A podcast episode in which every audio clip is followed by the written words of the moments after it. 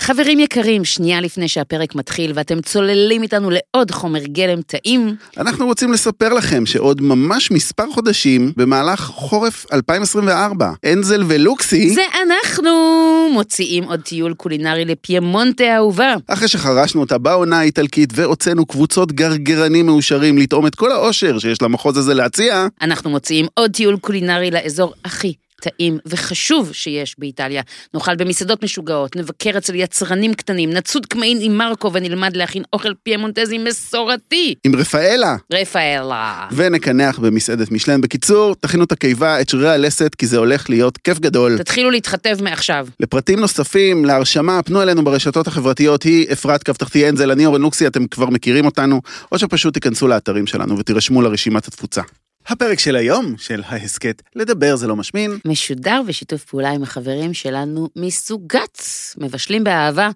היום אנחנו יותר אופים באהבה. בואי ניכנס למאפייה. ונקנה משהו? אה, כנראה.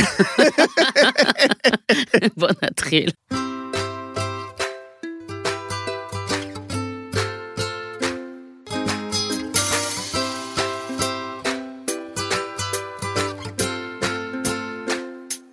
הלו, הלו, הלו!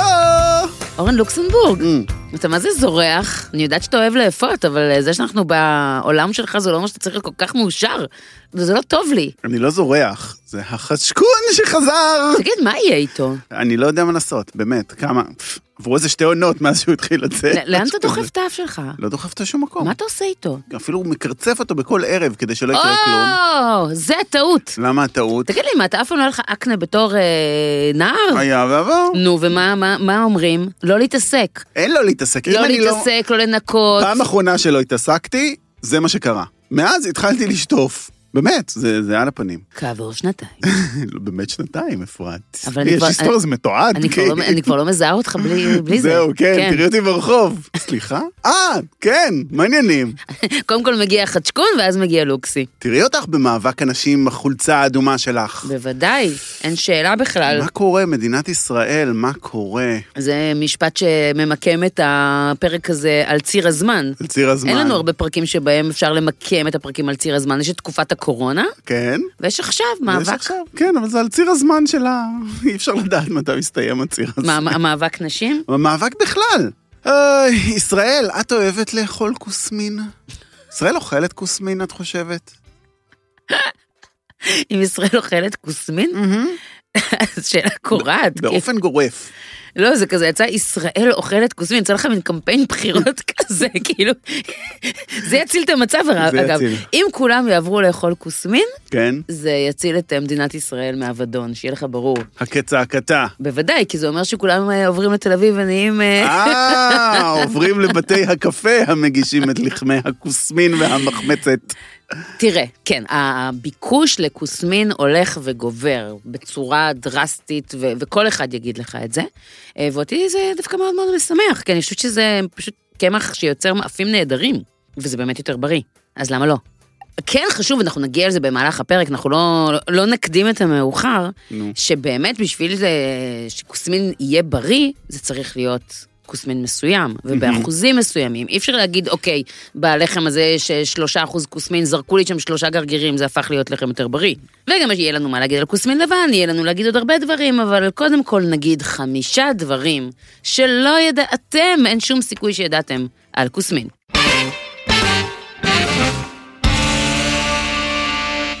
ובכן, כן. זה מה שזרקתי לך, אבל אה, ואני, בקטנה, כר... ואני לא תפסתי, כי אני לא תופסת כלום. לא. אני מאלה שזורקים עליהם כדור, אני מתכופפת. את מתכופפת ועדיין כן. חוטפת כאילו במצח? לא, נורי תמיד, אבל אמא, תתפסי. אה, אוקיי. טוב. כן. אני זורקים עליי ואני פשוט שולח את היד לכיוון הלא נכון. זה תמיד יהיה כאילו זה אף שמאלה, אני, היד שלי עפה ימינה וכאילו כלום לא נוחת בה כמובן, כי... בכל מקרה, אחד השימושים המאוד נפוצים בעולם כן. לשיירי כוסמין שיירי כוסמין, כן. הוא, ובכלל לא ידענו שהוא קיים, מילוי לכריות. עכשיו תבוא אפרת ותגיד, כפי שאמרה, אתה מתכוון לכוסמת? אז לא, אני מתכוון לכוסמין. משתמשים גם בכוסמת, בעיקר בשביל כריות החימום האלה בצורת חיות ששמים במיקרו, המסריחות, המסריחות, אך העוזרות. אבל לכריות רגילות משתמשים הרבה פעמים בכוסמין, או יותר נכון בקליפה החיצונית של הכוסמין, כיוון שהיא מושלמת לדבר הזה. מה מושלם בה? זה קל משקל, וזה קטן מספיק בשביל להסתדר בצורה של הראש, אבל עדיין מספיק קשיח כדי לספק תמיכה לצוואר. זה מאפשר לאוויר לזרום ככה שמזיעים פחות בלילה. זה עמיד לאורך שנים, וזה היפואלרגני לאנשים שרגישים לחומרים סינתטיים. אהה. וחפשו באמזון ספלט פילו, ותתפלאו. מכמות התוצאות. מה אתה אומר? כן, כן. זה הרבה יותר משמח אותי מהכריות של פעם, הכריות של נוצות אווז, שכבר בתור ילדה זה החריד אותי לגמרי. שמחי לדעת לפחות שהדבר שכן מקיים בכריות אווז זה שהן נשארות לנצח. אני עדיין עם הכרית של סבתא שלי, כאילו. בכריות אווז? כן, מלודג'. מה, הם הבריחו אותם בשואה? כן, כריות עלו. הם עלו עם כריות? עלו עם כריות. זה מה שהיה להם שם, פת לחם, קליפה של תפוח אדמה וכריות נוצות. לא החביאו תכשיטים? לא היה תכשיטים למשפחה שלי. הבנתי. טוב, בסדר. ובכן, כן, אתה רוצה לדעת עוד משהו שלא ידעת על כריות? אשמח. על כריות? אה, לא, על אה, כוסמין. אה, על כריות הייתי שמח יותר לדעת. נו. בהלכה היהודית הכוסמין נמנה עם חמשת מיני הדגן, שהם חיטה, שעורה, שיבולת שועל, שיפון וכוסמין. טם טם טם. משמח, נכון? אלא שהכוסמין שבהלכה הוא בכלל לא הכוסמין שאנחנו מכירים אותו היום. מהמם. כנראה שהכוסמין שמוזכר בהלכה הוא בכלל חיטת אמר. אבל זה בסדר שהיה את הבלבול הזה. הוא הגיוני, הוא מוצדק, עוד מעט אנחנו נבין כמה הקשר בין האמר לכוסמין הוא קשר מבלבל עד ימינו אנו, אבל דבר אחד בטוח, בעת העתיקה, הכוסמין, כפי שאנחנו מכירים אותו היום, לא היה בכלל קיים בישראל, ולכן לא יכול להיות שהוא היה ב- בתוך חמשת מיני הדגן של ההלכה היהודית. נכנס לי להיסטוריה. לא, לא נכנסתי לשום דבר. אמרת הלכה, הלכה זה בעבר, זה היסטוריה. אני אשאר בהיסטוריה, זה בסדר, אני מפרגן, אני עוטף, אני מכיל. אתה כרית. בתקופת הרומאים קראו לה כוסמין התבואה הצועדת. אני לא אגיד לך איך זה בלטינית יוונית. למה שלא אבל- תגיד לי את זה? כי אני לא יודע. אה. זה לא עניין אותי, מה שעניין אותי זה למה קראו לזה ככה, וזה בגלל הכמות הגבוהה של חלבון וסיבים שיש בכוסמין. המפקדים היו מקפידים שהחיילים הרומים יאכלו כוסמין לפני שצעדו לקרב, כיוון שזה בריאות. מה אתה אומר? כן, מרשים. התבואה הצועדת על קיבתה. על קיבתה.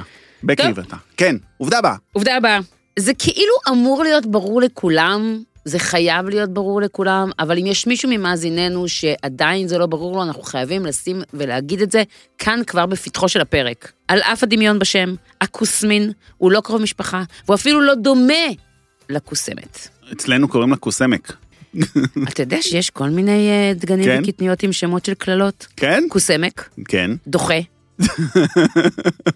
דוחה, הדוחה, דוחה. נכון? כן. וגם כוסמין קצת נשמע קללה, מה אני אגיד לך? אה, כוס מין. כן, נשמע קצת מטונף. עובדה אחרונה, אפרת. כן, בבקשה. יש את הסיפור של הגלוטן. כן. שנורא מבלבל את האנשים מבחינתם, כוסמין טוב, חיטה רע, ומה שאנחנו יודעים על רוב האוכלוסייה שלא חותרת בתוך אה, מעמקי התזונה, זה שיש את עניין הגלוטן שהוא רע. אין גלוטן רע, יש גלוטן שרע לו. נו,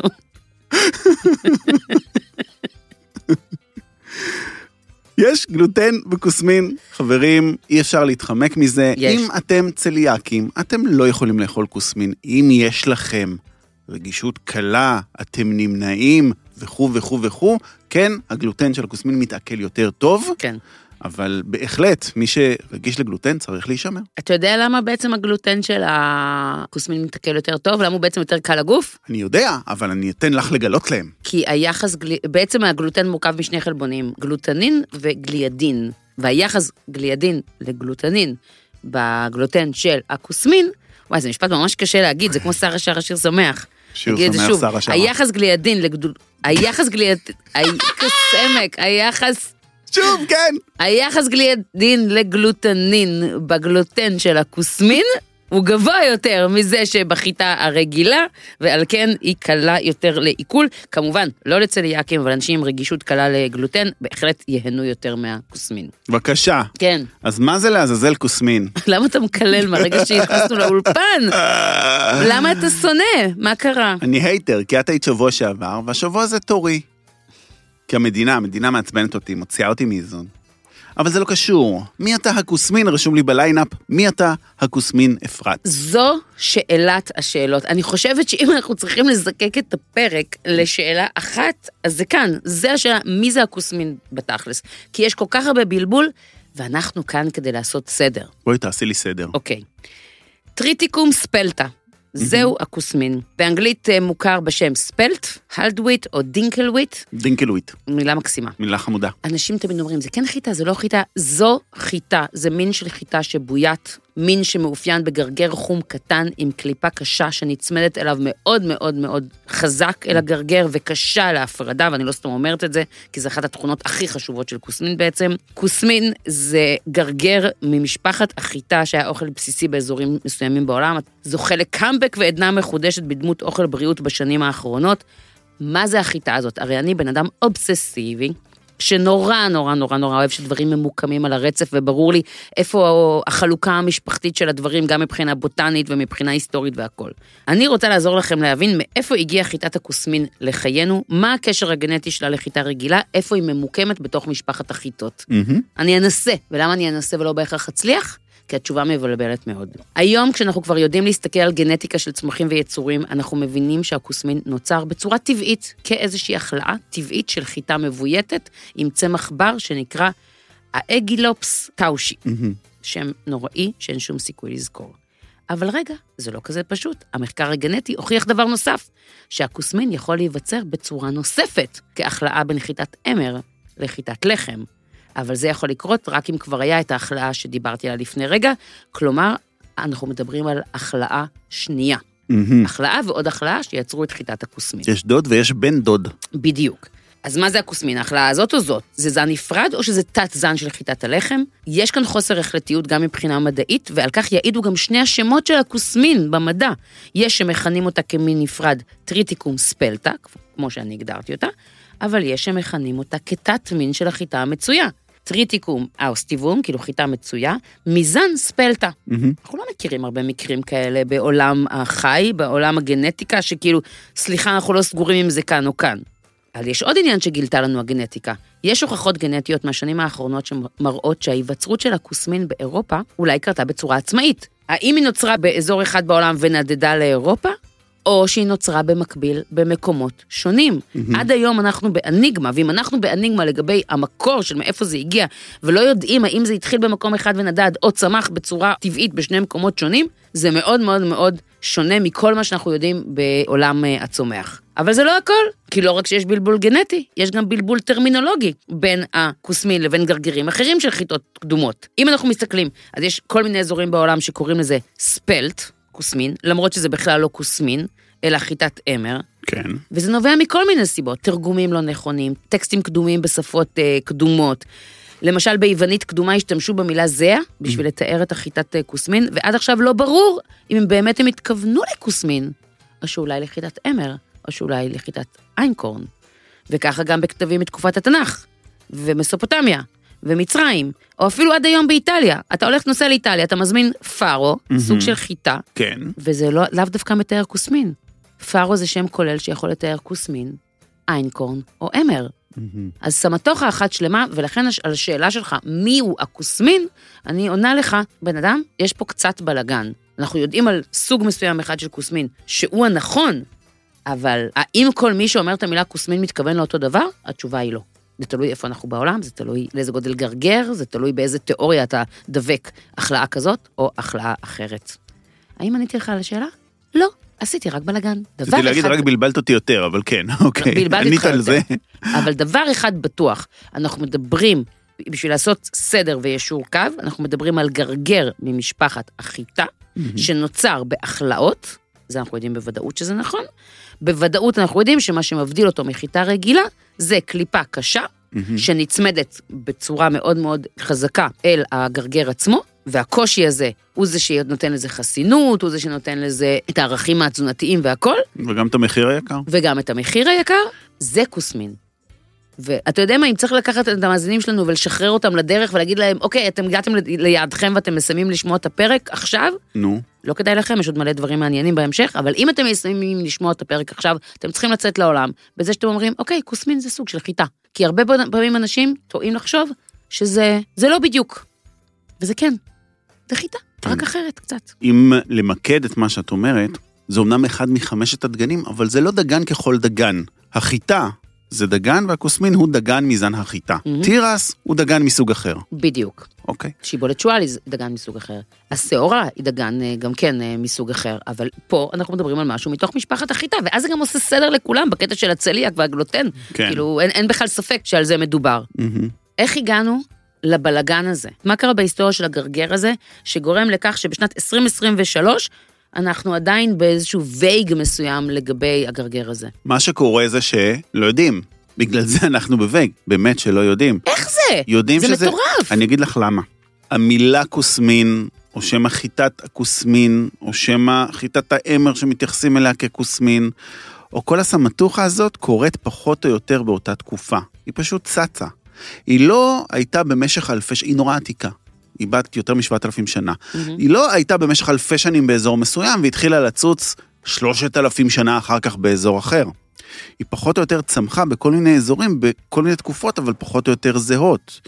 העדות הארכיאולוגית הכי עתיקה היא מהקווקז, מצפון מזרח לים השחור, כנראה ששם באמת יש אה, חיטת כוסמין מאוד מאוד עתיקה, אבל האם זו החיטה הראשונה אני לא יודע, כי יש מחקרים שמצביעים שיכול להיות שהכוסמין תורבת בכלל בדרום מזרח אירופה, כל מדינות הבלקן, כי הוא כן מופיע ממש לאורך הבלקן מצפון ועד דרום הבלקן, באותה תקופה בהרבה מקומות. הגיע מפה לשם, הגיע משם לפה, צמח בשניהם אותו דבר, איזה משוגע זה.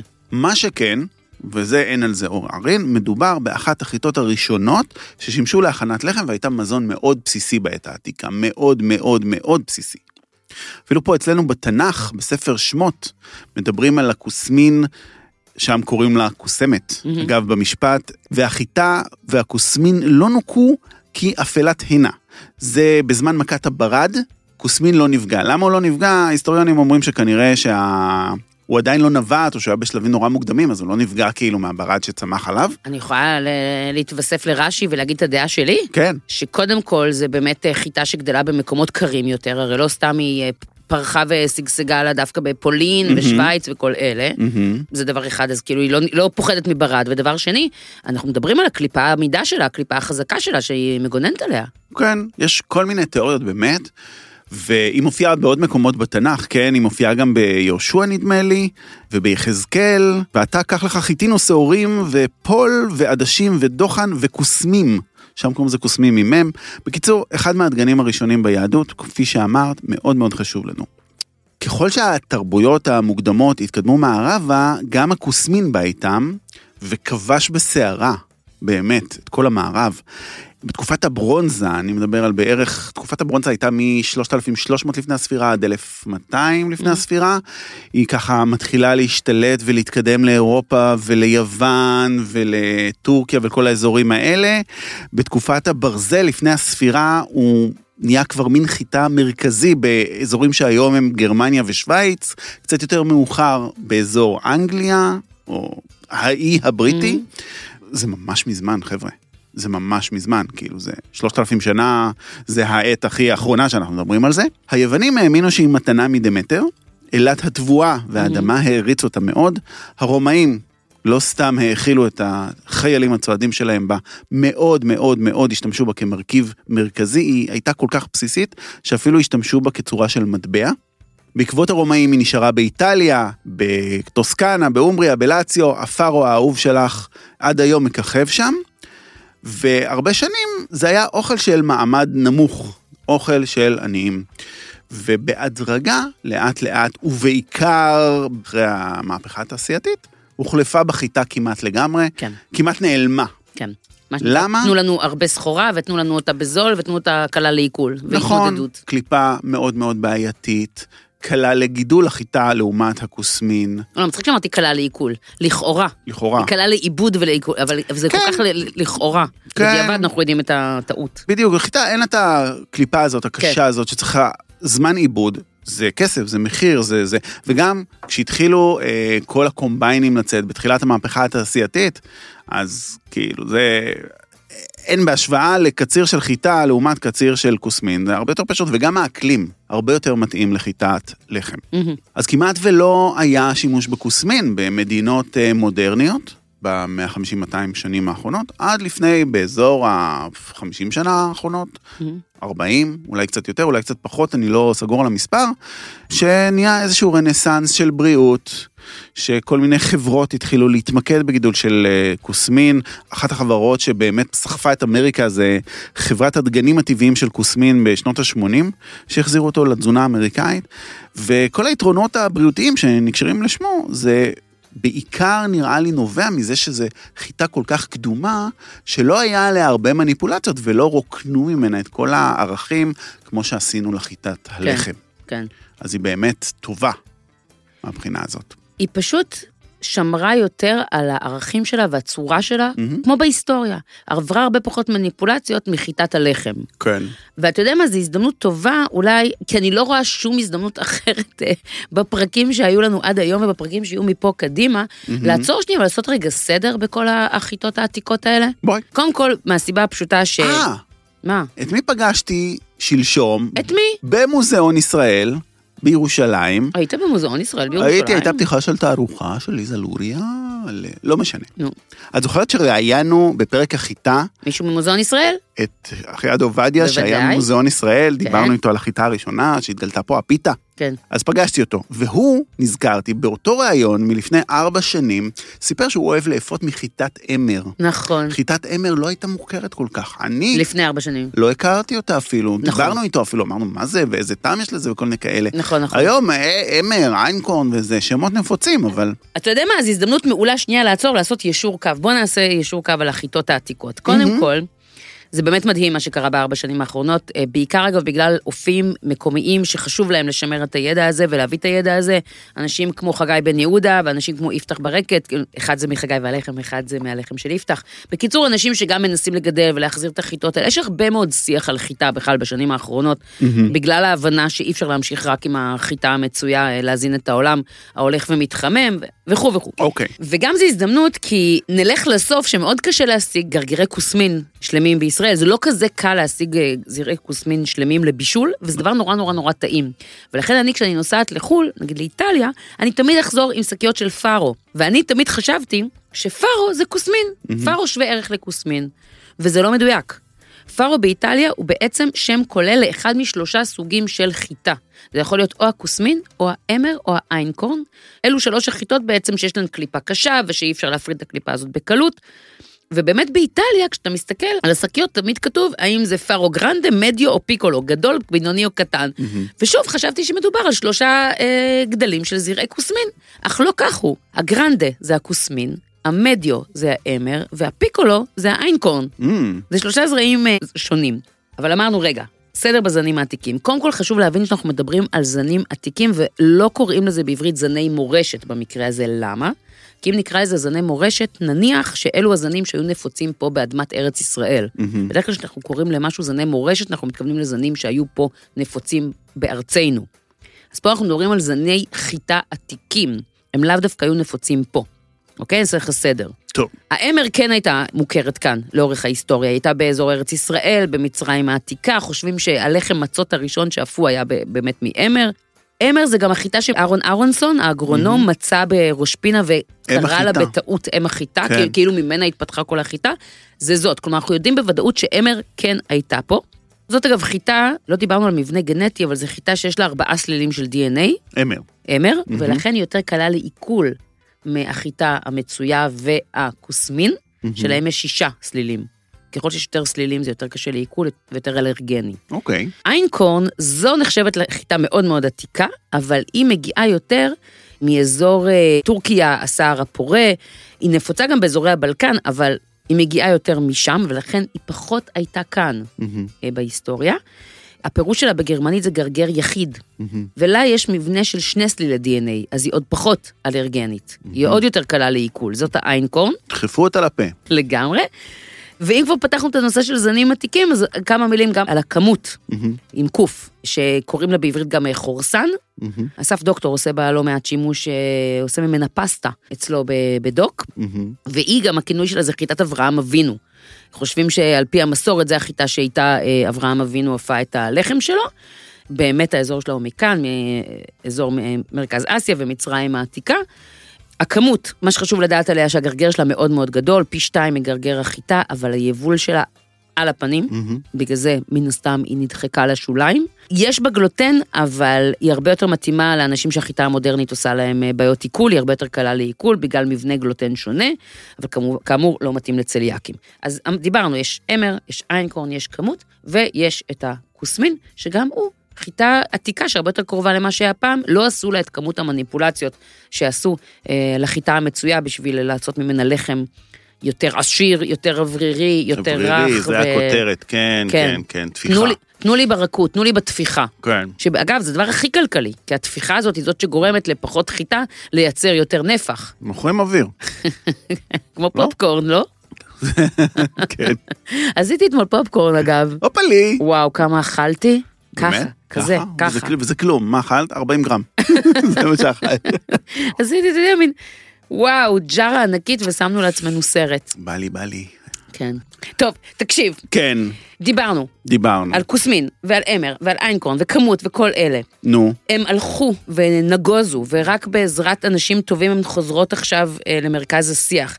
אבל הייתה סיבה שהחיטות האלה נעלמו, כן. כי יש להם גם חסרונות. מהמם. לא רק יתרונות, אנחנו מהללים אותם ואומרים, מה, זה יותר בריא, זה פחות אלרגני, זה, זה מתעכל יותר בקלות. אבל אם זה היה רק כל כך טוב, זה לא היה נעלם, יש לזה גם חסרונות. אולי תעשה לנו איזשהו סדר ביתרונות ובחסרונות של חיטת הכוסמין בהשוואה לחיטה הרגילה. אוקיי. זה בקשה גדולה מדי? זה בקשה בעייתית. אוקיי. כי אני עצמי, האם המילה היא אמביוולנטי? היא לא אמביוולנטי, אני קרוע. אני בדיכוטומיות אל מול אוקיי. הנושא הזה. תראי אוקיי. איזה שימוש במילים גבוהות. ממש. מה, מי אתה? כי הכותרת, האם כוסמין יותר בריא מקמח רגיל? האם הוא עדיף? זו לא הכותרת. נכון. האם הוא עדיף? האם הוא עדיף? האם אנחנו יושבים פה באולפן ואומרים, חברים, זוכרים את הפרק על החיטה מהעונה הראשונה? לכו תקשיבו לה, ואז בסוף תעשו סטופ, תעברו לכוסמין, וכולכם יאללה, לאכול כוסמין. אז התשובה הסופית, כי? אולי. מה אתה אומר? תלוי לאיזה מטרה את רוצה אותו. Mm. האם את רוצה אותו לאפייה? לא, הוא לא עדיף. חיטת לחם תתנהג הכי טוב באפייה. אלפי שנים כאילו הרביעו אותה כדי שהיא תתנהג הכי טוב באפייה. האם את רוצה בריאות? תשובה גם חלוקה. מהמם. האם את באמת משתמשת בכוסמין מלא? שטחנו אותו עם הקליפה והוא מלא בסיבים ומינרלים והכל? כן. את משתמשת בכוסמין לבן? פחות. הוא מתנהג יותר כמו חיטה רגילה. מהמם. מה המטרה שאנחנו רוצים? אז בואו נדבר באמת. היתרונות הם, אין ספק, קשורים ליתרונות הבריאותיים שלו. כן. הוא עשיר בוויטמינים, הוא עשיר במינרלים, הוא עשיר בסיבים תזונתיים, יש בו אחוז מאוד גבוה של חלבון יחסית לדגנים. 14 אחוז חלבון זה מספר מאוד מכובד, בטח ביחס לחיטה מלאה זה כן. שבאזור ה-13, שיפון זה באזור ה-8, מהמם. קמח לבן באזור ה-10, 11, שוב, תלוי מה מומי. הוא יותר קל לעיכול, כי הגלוטן שלו הוא ממיס במים בצורה הרבה יותר קלה, אז... ויש בו אחוז יותר נמוך גם של גלוטן בכוסמין מאשר בחיטה רגילה, אבל כפי שציינו, הוא לא טוב לצליאקים, הוא מכיל גלוטן. כן. אגב, הוויטמינים שלו זה לא שיש לו יותר ויטמינים מחיטה רגילה, הם אחרים. הם גם אחרים וגם יש בו אחוז מאוד נמוך של חומצה אה, פיטית. מהמם. יש בו 40 אחוז פחות חומצה פיטית מחיטה רגילה, זה החומצה שגורמת לבעיות בספיגה של מינרלים שונים בגוף. כן. אז פחות כזה אומר יותר ויטמינים נספגים בגוף, אז זה Mhm. גם יתרון בריאותי ממש טוב, והוא ידידותי לסביבה. למה? אני לא אגיד שהוא אורגני, אבל כגידול שיש לו קליפה כל כך קשה, שהוא כל כך עמיד למזיקים ולמחלות, הוא דורש פחות דשן, הוא דורש פחות ריסוס, הוא דורש פחות התנהלות. אז מהבחינה הזאת, סבבה. מהמם. ואני חושב שהיתרון הכי גדול של כוסמין, מעבר לכל הדברים האלה, הוא שהוא טעים. כן. יש לו אופי, יש לו טעם מתקתק, יש לו טעם אגוזי, יש לו צבע יותר מעניין, יש לו טעמים יותר משופרים מחיטת לחם. אבל, יש לו גם חסרונות. החסרון הכי גדול בעצם, מבחינת המגדל, זה היבול הנמוך שלו. זה ציינת את זה. מקודם. זה יבול שלא מניב הרבה. בהשוואה לדונם, ביחס לחיטת לחם, יוצא הרבה פחות, ולכן הוא גידול הרבה יותר יקר. ההתעסקות איתו, הקליפה הזאת שצריך לאבד אותה, גורמת למחיר הרבה יותר גבוה. ואגב, בימינו אנו, באתגרים התזונתיים שיש, אנחנו צריכים להכיל את אוכלוסיית העולם ההולכת מהמם. וגדלה, ואנחנו מנסים לעשות את זה בכמה שפחות שטח ובכמה שפחות כסף, אז מן הסתם, יש פה בעיה עם, אה, עם אה, סוג של דגן שמביא פחות יבול. נכון. והחיסרון הכי גדול הוא באמת הסיפור של הגלוטן, כי למרות שהוא נחשב מאוד מאוד בריא, הגלוטן עדיין קיים, וזה גלוטן שהוא לא טוב לאפייה. הוא לא להיט. הוא לא נורא, הוא לא נורא, אבל הוא לא להיט. כן. זה לחם שקשה מאוד להתעסק איתו בבית וצריך לדעת איך. אז מה היתרונות, מה החסרונות? אלה היתרונות והחסרונות. אולי נדבר גם על היתרונות והחסרונות שלו באפייה, אבל קצת אחר כך. אבל קצת אחר כך. כן. כן, אתה יודע, גם באמת בשאלה האם להחליף את קמח החיטה בקמח אה, כוסמין, אז אפשר לשים פה כוכביות ולהגיד שביום שחיטת האמר וחיטת האנקורן יהיו יותר נגישות לכולם, כי כרגע אין על מה לדבר, זה לא, אי אפשר היום אה, להשיג... אה, זה לא על המדף בסוף. זה לא על המדפים. כן. אז אולי באמת אז נעשה את השאלה בין כל סוגי החיטה ונגיע למסקנה שחיטת האמר והאנקורן הן עוד יותר אה, בריאות מחיטת הכוסמין. מהמם. אבל שוב, יש כאן עניין של הזנת המין האנושי, וזה אף פעם לא יוכל להחליף את, ה... את החיטה הרגילה. יש פה אגב, אה, סתם עניין פילוסופי של אקסיומה. אנחנו כל הזמן מנסים למצוא איזה חיטה תזין את המין האנושי, איזה חיטה תציל אותנו. אנחנו חיים בבועה הקטנה שלנו, של זה ה... בועת חיטה. כן. כי מי אמר שזה חייב להיות חיטה? למה לא לשנות בכלל את הנרטיב ולהגיד, רגע, אולי מה שיציל אותנו זה האורז, או מה שיציל אותנו זה התירס, או מה שיציל אותנו זה האמרנט, שדיברנו עליו שבוע שעבר, או הקינוע. או הקינוע. מי אמר ש- שהאקסיומה שלנו היא שאנחנו חייבים חיטה? אמר הגבר הזכר הלבן, כאילו... הפריבילגי. הפריבילגי, נכון. שמה ששלו, שלו. ממש ככה, לא רוצה לשנות אה, סדרי עולם. נכון. אמרת אבל, הזכרת במילה אחת את עניין אה, קמח הכוסמין הלבן, וזה נקודה מאוד חשובה. צריך להתעכב עליה. בוא נתעכב שנייה על זה. קודם כל, מה זה קמח כוסמין לבן? כשאנחנו הולכים לסופר וקונים לחם כוסמין, זה לא מספיק שיהיה כתוב עליו אה, אה, לחם כוסמין. אם אנחנו רוצים לדעת שהוא בריא, צריך שיהיה כתוב לחם כוסמין מלא. בהקבלה ישירה ללחם. יש לחם ויש לחם מקמח מלא. כן, יש לחם כוסמין ויש לחם כוסמין מקמח מלא. נכון. יש לחם שיפון ולחם שיפון מלא. נכון? תמיד אני ארצה את המלא מהסיבה של אה, יותר ערכים תזונתיים וסיבים שנמצאים אה, בקליפה. כן. מה קורה אבל בקמח כוסמין לבן? מה, זה בדיוק כמו קמח לבן? זה הורידו את לוקחים- כל, את כל בחוץ הוא? הורידו את הכל, הכל, את הנבט, את הקליפה, נשאר ה- האנדוספרם. האנדוספרם, כאילו רק הבסיס הלבן, נטול מרבית הערכים, הוא עדיין יותר טוב מחיטה רגילה, אני לא אומר שלא, כן. אוקיי? הוא עדיין נספג יותר טוב בגוף, עדיין יש בו ויטמינים ומינרלים שבקמח לבן, בהשוואה של, את יודעת, אם משווים תפוחים לתפוחים, כן. עדיף. אם היינו צריכים לייצר איזשהו מדרג מבחינת הקמחים שנמצאים על המדפים, אז אה, בתחתית השרשרת נמצא הקמח הלבן, מעליו קמח כוסמין לבן, אבל בין הקמח כוסמין לבן לבין הקמח כוסמין מלא, בהחלט נמצא הקמח המלא, כן, קמח החיטה המלא. כלומר, עדיף, תמיד עדיף קמח מלא, כן. מבחינה בריאותית. אל תיפלו לגימיקים שיווקיים, זה מה שנראה לי הכותרת בעצם, כי זה כמו שרושמים על אה, שמן זית ללא כולסטרול, ואנשים אומרים, אה, מ, ללא כולסטרול, כן. מגניב. תמצאו לי צמח שיש בו כולסטרול, זה יהיה מגניב. זיתים או תירס, כאילו. בסדר, טוב, עזבי. לא, כן. אין כולסטרול בשמן זית, הוא נולד ברור, בלי כולסטרול. הוא, הוא כן. נולד בלי כולסטרול, לא צריך לציין את זה, אבל צריך לציין את זה כי צריך משהו. משהו כדי למכור. למשור, כן. אוקיי, אז זה קמח כוסמין לבן, קמח כוסמין שפשוט הסירו לו את הקליפות ואת הסובין ונשאר רק החלק הפנימי שלו. אם אנחנו כבר נכנסים לניואנסים אה, טכנולוגיים של אה, איך בדיוק ייצרו את הקמח כוסמין הלבן, אני מציעה שנוסיף בן אדם למדורה. לשרוף עוד מישהו. בואו נתקשר לטכנולוג הראשי של שטיבל, החברה שבעצם מפתחת את הקמחים אה, של סוגת, והוא יכול לענות לנו על כל השאלות על מה זה בדיוק קמח כוסמין, מה זה קמח כוסמין לבן, מה עדיף, מה לא עדיף, שהוא יענה על השאלות הקשות. אז אנחנו מתקשרים לאגדה חיה. כן. אנחנו מתקשרים הוא באמת ל- אגדה. הוא באמת אגדה. תעשו גוגל, תראו אם כן. אנחנו מתקשרים. לדוד פרידמן, ידוע יותר בכינויו פרידי, היי פרדי. היי פרידי, הבן אדם שבאמת, וואו, הוא האוטוריטה בכל נושא הקמחים וכוסמין, וזה הבן אדם להתקשר אליו. אז יאללה, do that. יאללה. שלום רב, הלו, הלו, הלו, פרידי, מה שלומך? תודה רבה. שלום שלום. שלום, שלום. איתנו על הקו אה, דוד פרידמן, אה, הטכנולוג הראשי של שטיבל, החברה שבעצם מפתחת את הקמחים אה, של סוגת.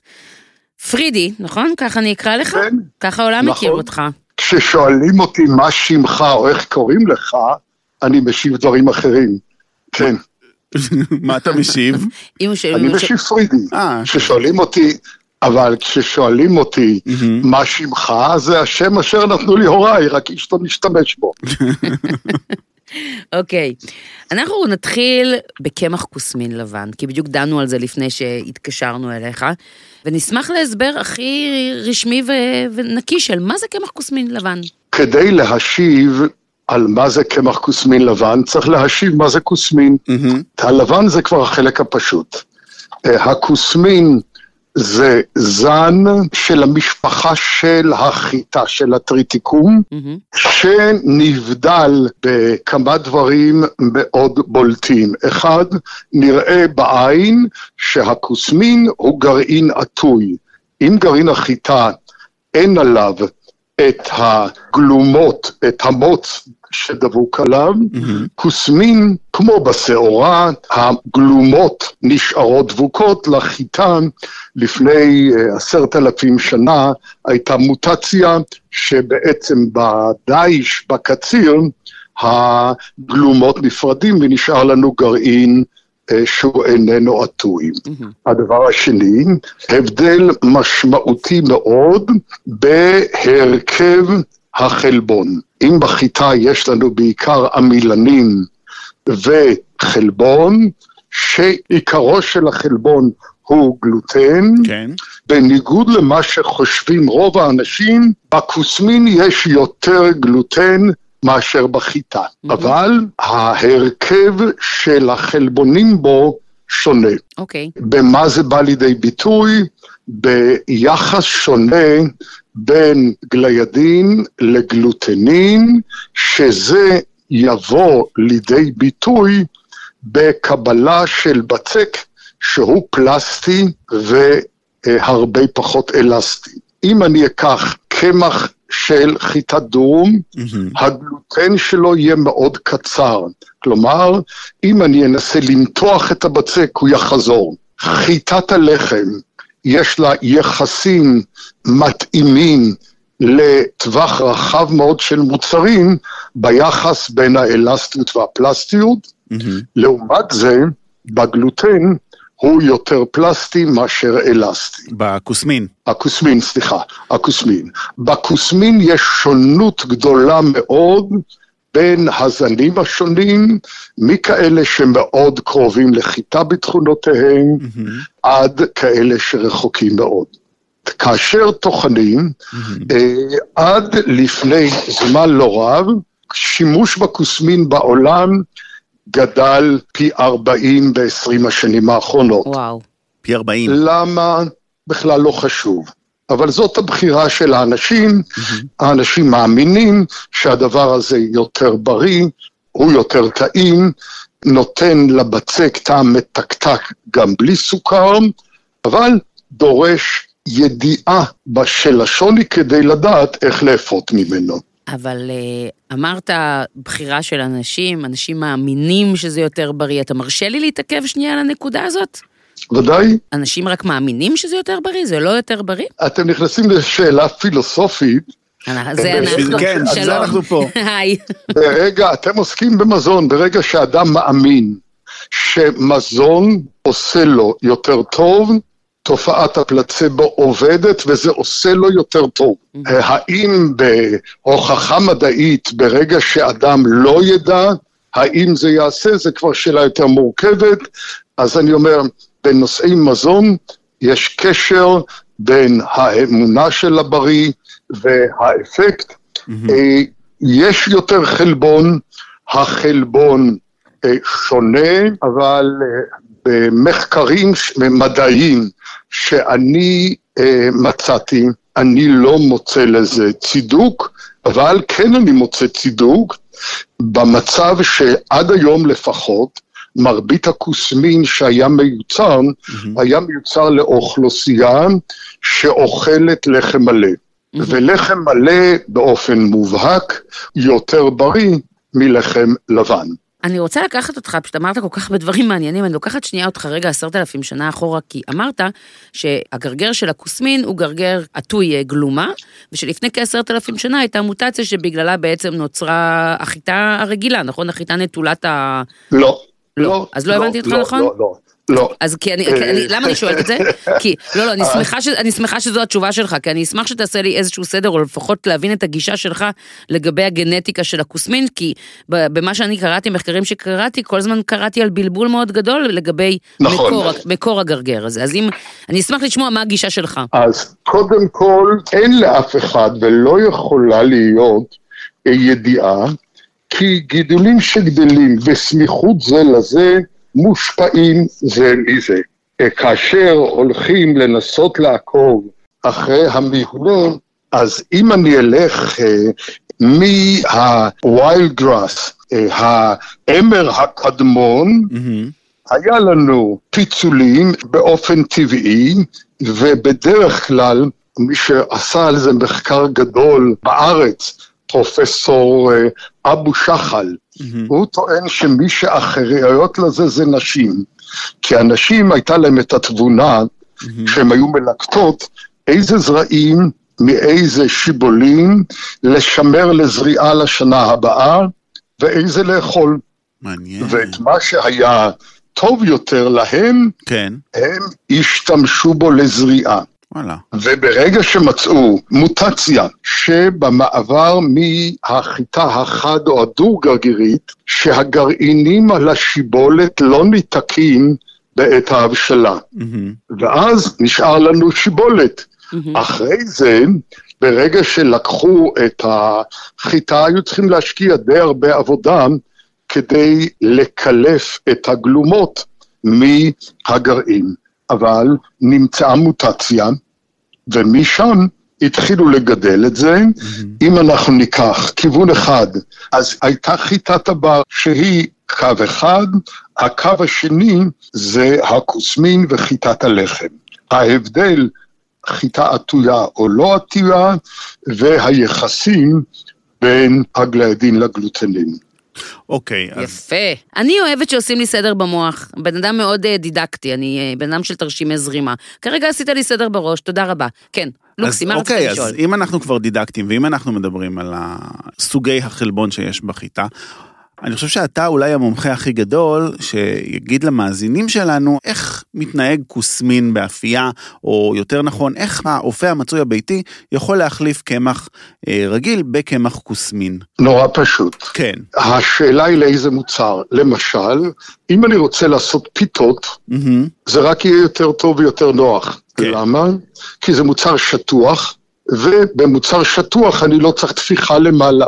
ואז לעשות פיתות מכוסמין נורא נורא נוח וטוב, אוקיי, אוקיי? כן. אם אני רוצה לנסות לעשות מוצרים כמו חלה מכוסמין, מהמם. אני תמיד אעדיף לעשות את התפיחה ואת האפייה בתבנית. מהמם. כי אז יש מה שתומך את הצדדים, וזה יוכל לעלות למעלה.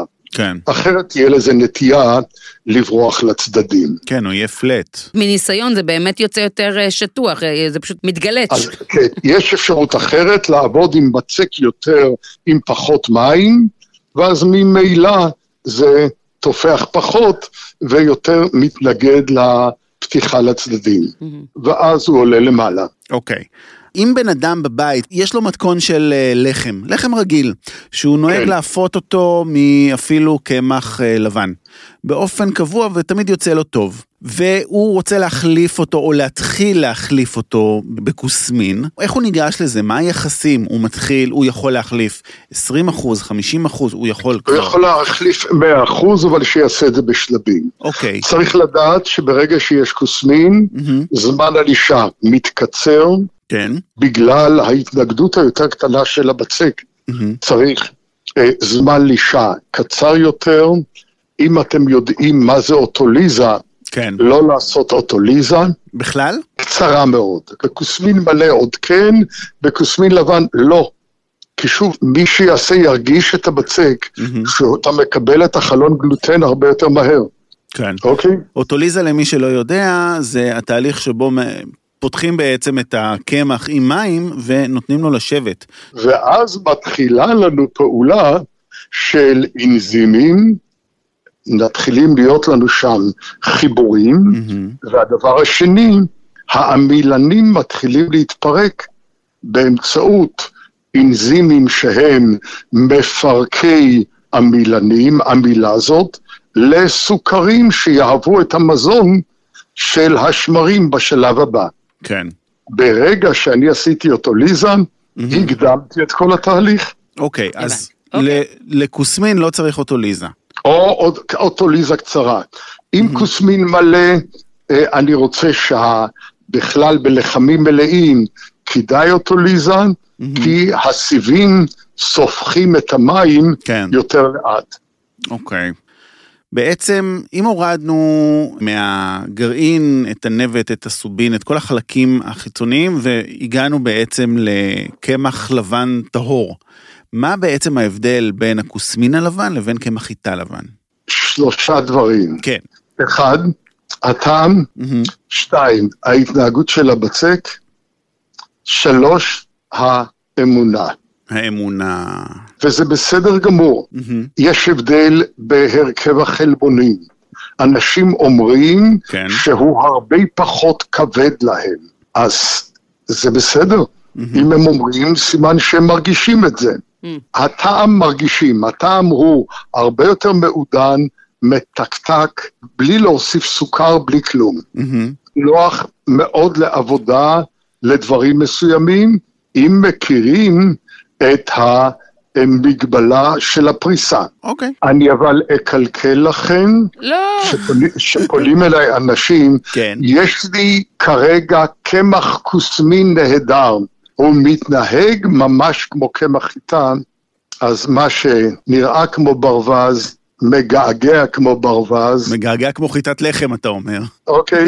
אז אה, אוקיי. לא, זה חשוב, כי בעצם צריכים לדעת מי האבא והאימא של הקמח שאנחנו קונים. שהוא מגיע ממקום טוב, שבאמת שמו בפנים את מה שאנחנו צריכים, ואתה אומר, תמיד אפשר יהיה לראות בהתנהגות של הקמח באפייה, אם זה באמת מה שקנינו. כן, טוב, אוקיי. פרידי, המון המון תודה, איזה אוצר של ידע. תביאו את זה לידיעת הציבור. יופי. אנחנו נשמח. תודה רבה לך, פרידי, שהיית כאן איתנו ונתת לנו כל כך הרבה מהר. כל מה שקשור ב, בתחום האפייה, קמחים, מהטווח של uh, הגנטיקה, הגידול, האחסון, התחינה, וכל מה שקשור למאפים, זה עיסוקי בחמישים השנים האחרונות. ושומעים תודה. את זה. שומעים. תודה רבה. תודה רבה. בבקשה, בבקשה. ביי. ביי.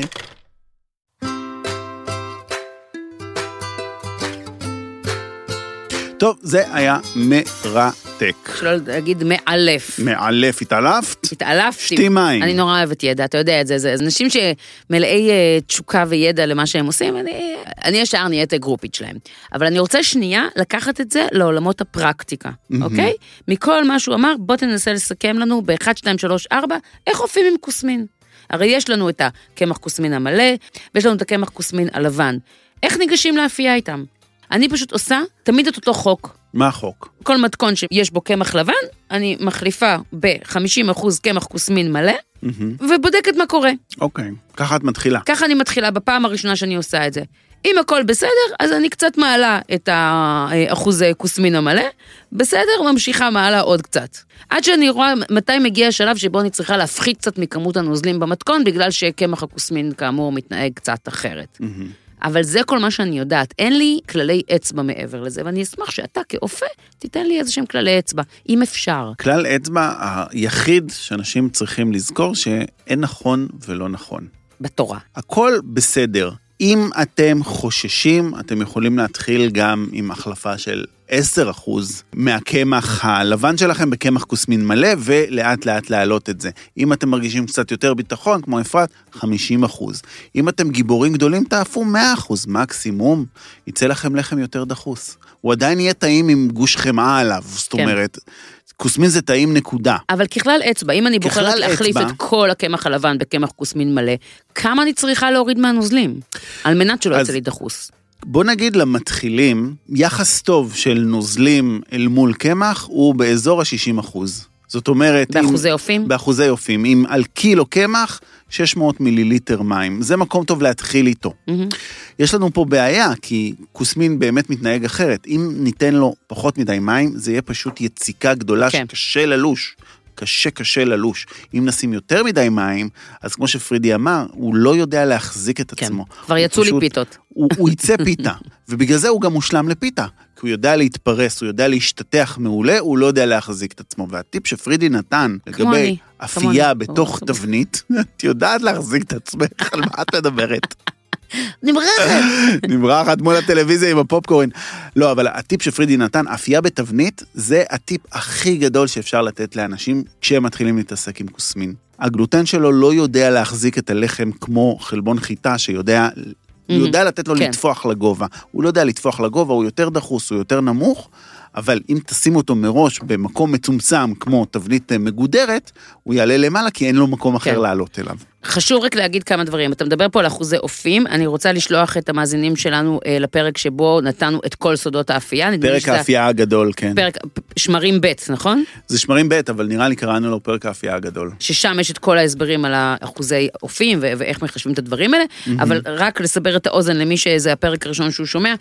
אם מדובר על קילו אה, קמח, אתה אומר 600 מיליליטר נוזלים, זה כולל נוזלים מכל סוג שהוא, בין אם זה שמנת חמוצה, בין אם זה ביצים ובין אם זה חלב. לא הייתי, בוא נגיד שבן אדם ניגש ומתחיל ללמוד איך אופים עם כוסמין, לא הייתי מתעסק עם נוזלים בעייתיים כמו שמנת חמוצה, שהיא יותר מוצקה מנוזל והיא יותר שומנית ממים וכו' כן. וכו' וכו'. אתה מדבר על נוזלים ככלל, כנוזלים. אצבע אני מדבר על נוזלים כשהם נוזלים, כשהם ניגרים, אוקיי, בסדר. ולא ביצים. ולא ביצים. גם הם לא גם נחשבות יש פה לנוזלים. התייחסות. לא, אני אגיד לך אבל- למה, כי הרבה פעמים במתכונים אה, רגילים, כן. בספרי בישול, כשכתוב אה, לערבב את כל החומרים הרטובים, ואז זה תמיד הביצים, החלב, נכון, המים נכון. וזה, וזה עלול קצת לבלבל. כאן אתה מתכוון על הנוזלים נטו. אני אוקיי. מדבר על הנוזלים נטו, וזה יפה שאמרת לערבב את הביצים, כי המתכונים האלה מדברים בדרך כלל על מתוקים, כן. על מאפים של אה, עוגות, שזה עוגיות, הכי קל להחליף לכוסמין.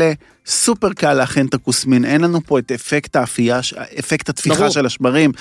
זה לא מה שאנחנו מחפשים מהכוסמין, אנחנו מחפשים שייתן את הטעם, אנחנו מחפשים כן. שייתן את הערכים התזונתיים, וזה נהדר. זה, זה ממש חשוב להגיד, בעוגות, בטח כל העוגות הבחושות למיניהן, שממילא צריכות לראות תבנית, כלומר, לא מדובר כאן על אפייה חופשית של לחם, הכי קל להחליף את ה-100% קמח רגיל ב-100% קמח כוסמין מלא, כי יש שם את שאר הדברים ש, שנותנים לעוגה את מה שצריך. חומרי התפיחה, הביצים, אבקת כן. האפייה, סודה לשתייה, אם יש, הם יספקו לנו את התפיחה והם יקלילו אותו, הוא יצא יותר דחוס מקמח לבן לעזור בדין. בסדר, אבל זה נורא טעים. אתה יודע מה, אח- אחותי שהופעה רק עם כוסמין, נו. היא כל הזמן אמרה לי, את רוצה להחליף עוגה של אה, קמח אה, לבן בקמח כוסמין מלא, תעשי דבר אחד.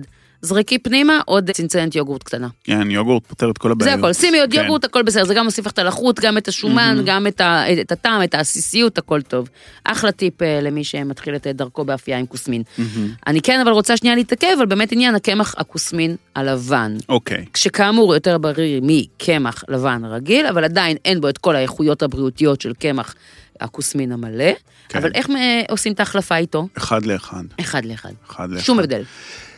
שוב, בעוגות, בעוגיות, במאפים קטנים, במאפים אה, מסוגרים בתבניות וכאלה, אין כן. בעיה. באמת, זה... אני לא אגיד בטל בשישים, אבל הוא התנהג הרבה מאוד כמו קמח. אני יכולה? להגיד, כן, אני יכולה להגיד שעשיתי איתו טמפורות למשל, אין עם זה שום בעיה. כשאני עושה קרפים, כן, הרי כל שבת בבוקר אני עושה קרפים, ניסיתי כבר כל סוג קמח אפשרי כן, בקרפים. כן, אגב, הכי טעים, כן. קמח תפוחי אדמה, בקרפים, ממש. אבל לא משנה, אבל אה, קמח כוסמין לבן כמו קמח לבן, הכל מתנהג אותו דבר, ממש. הוא לא אחד לאחד, אבל 95 לאחד. מספיק טוב. כן. כן. אוקיי, אז זה פחות או יותר הכללי אצבע שלכם, תזכרו, כוסמין אה, זה בצק שמתנהג אחרת עם מים, הוא שוב, או קשה מדי, או נוזלי מדי, תלמדו בדיוק את האחוזים לפי המתכונים שלכם. הוא פשוט לא נוח לעבודה, כמו קמח חיטה, כן. שהוא חמוד מאוד. לא הייתי ממליץ להחליף 100% כוסמין בדברים כמו לחמניות רכות ואווריריות, כן.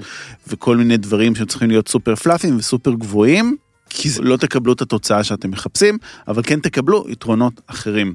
שוב, באפייה, היתרון שלו הוא לא התפיחה שאנחנו מחפשים, אבל היתרון שלו הוא טעם טעים, לחמים טובים יותר, בריאותיים יותר, יש לו הרבה יתרונות אחרים. זה האספה שלי. חשוב מאוד. אז אם את רוצה אולי אה, שניתן איזשהו מתכון בסיסי למאזינים, איך מתחילים לאפות עם אה, כוסמין, אני אתן מתכון מאוד מאוד בסיסי. המתכון הכי פשוט ללחם? למתחילים. ללחם, לחם הכי פשוט. לחם שצריך מעט מאוד לישה, כמו שפרידי אמר, ארבע דקות לישה זה די ויותר. שזה מדהים, כי ללחם רגיל צריך הרבה יותר. נכון. אנחנו לוקחים חצי קילוגרם קמח כוסמין מלא, 310 גרם מים. אפשר את המים האלה להחליף בנוזל אחר אם אתם אוהבים, נגיד מיץ תפוחים, נגיד חלב, נגיד חלב צמחי, מהמם. חלב שיבולת או whatever, רק כדי לקבל טעם אחר. על הכמות הזאת אנחנו נשים משהו כמו 7 גרם שמרים. מהמם. קצת שמן זית, נגיד שלוש כפות, אוקיי. רק להעניק לו עוד אה, רכות. 10 גרם מלח, מי שזוכר מפרק האפייה שלנו, 2% מלח. כן. אז זה 10 גרם לכמות הזאת, מערבבים את זה, לשים את זה 4 דקות, אפשר גם לתת לו לנוח קצת, אה, והוא יספח את הנוזלים, מעבירים את זה לתבנית, ונותנים לו את התפיחה הראשונה, תבנית משומנת, כי הוא יידבק.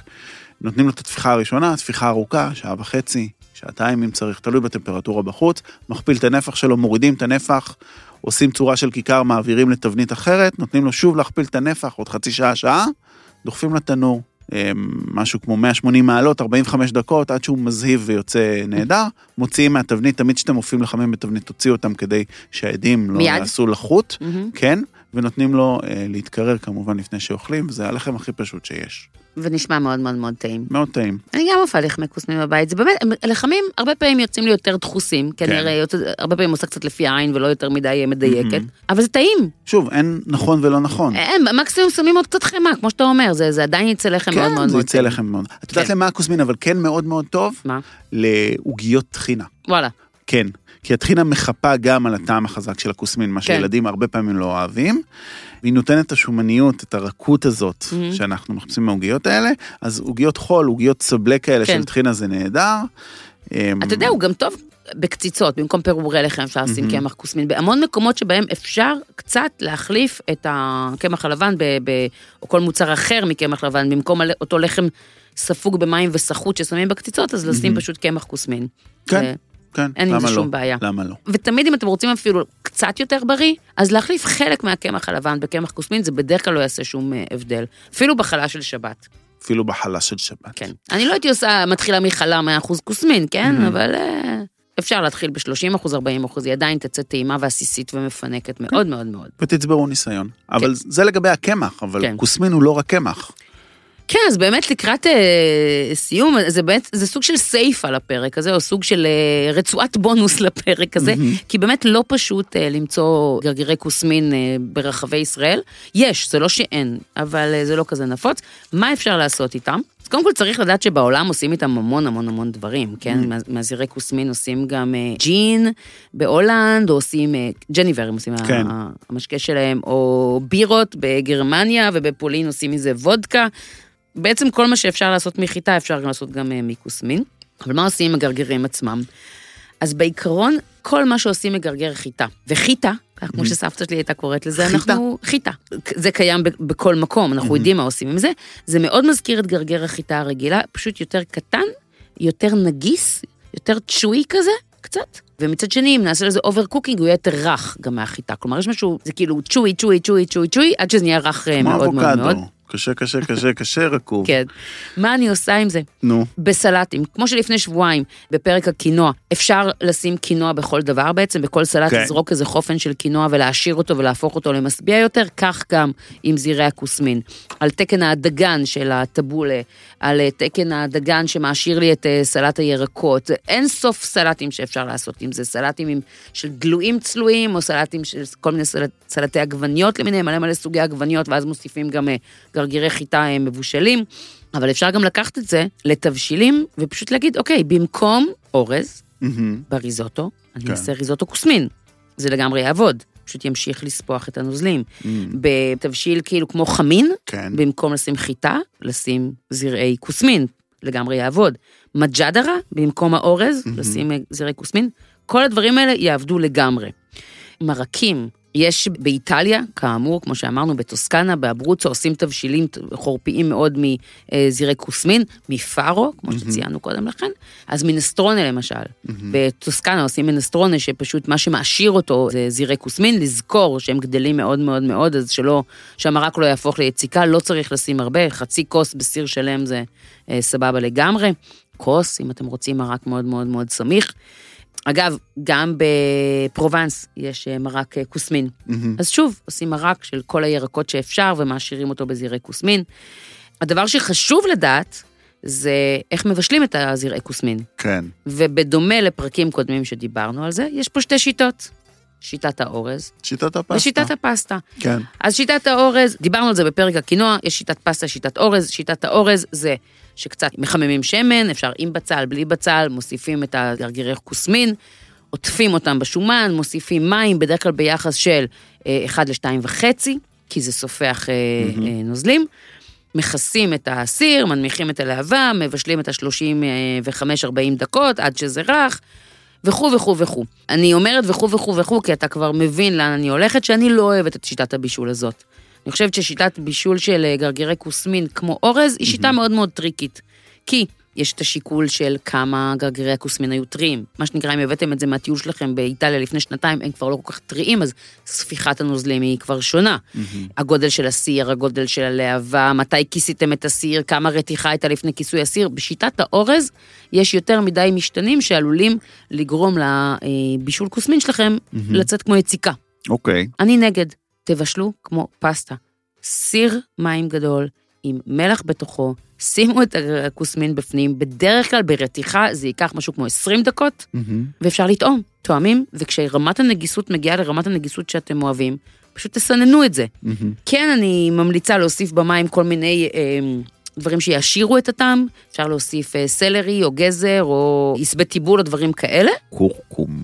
אתה רוצה שיוסיפו קורקום? כן, כי זה צובע, זה צובע דגנים בצורה טוב. כאילו ממש, אני אוהב את זה. אז אפשר לשים גם סלק במים. אפשר לשים גם סלק. חתיכת סלק גם יכול לצאת. קורקום יותר זמין בדרך כלל. כן, ופחות ורוד גם. כן. כן.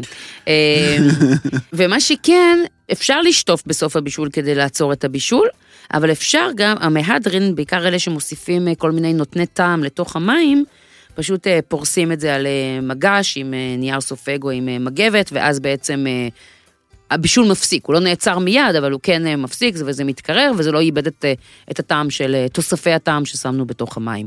אבל mm. לגישתי, צריך לבשל את זה כמו פסטה ולא כמו אורז, הרבה פחות מסוכן. לא חושב שאי פעם בישלתי כוסמין. ופארו גם לא, כאילו אף פעם לא הבאת מחו"ל... לא, לא, לא. איך היא אוהבת להביא דגנים וקטניות מחו"ל? היא אוהבת להאכיל את האש שיש לה בבית, היא פשוט מאכילה אותו. חמסה חמסה, לא היה לי אש כבר שנה. בסדר, עברה שנה, זה הזמן. לוקסי, די. אם היום אני חוזרת הביתה ויש לי אש, אני, נשבעת לך, אני עוברת לגור אצלך. בואי, אכפת לי. כפרה שלי, הגענו לסיומו של הפרק. עוד פרק הסתיים. עוד פרק הסתיים לו בכיף שלנו. לא רוצה. אוקיי, את רוצה להישאר? אני רוצה להישאר, יש לנו עוד... נקליט את הפרק הבא גם. יש לנו עוד 13 דקות אה, זמן אולפן, ואני חושבת שאנחנו יכולים לעשות בו שימוש ראוי, נבון, ולספר למאזינים שלנו עוד דברים שהם לא יודעים. כמו למשל, שיש לנו אינסטגרם, אתה אורן לוקסי, אני אפרת קו-תחתי אנזל. את אפרת קו-תחתי אנזל? אני, זה אני. אה, וואלה. חשבתי שזה אתה. כמו לספר להם, למשל, אף פעם לא אמרנו להם שיש לנו כתובת מייל. אנזל.לוקסי שטרודל ג'ימל נקודה קום. הנה, אתה גם זוכר. מתוך שינה אני אדקלם את הדבר הזה. וגם אפשר לספר להם משהו שאנחנו לא אומרים להם יותר מדי, שכדאי לדרג אותנו באפליקציות אה, הפודקאסטים המובילות, על מנת שעוד אנשים ישמעו ויקבלו את הבשורה שלדבר זה לא משמין, זה פודקאסט ממש חביב. עוד דבר שאנחנו לא אומרים אף פעם, כן. זה באמת, אם יש לכם חבר שאוהב אוכל, כן. הוא ישמח לשמוע אותנו, אז תשלחו לו את הפרק הזה. ועד השבוע הבא, יאללה ביי! צ'או.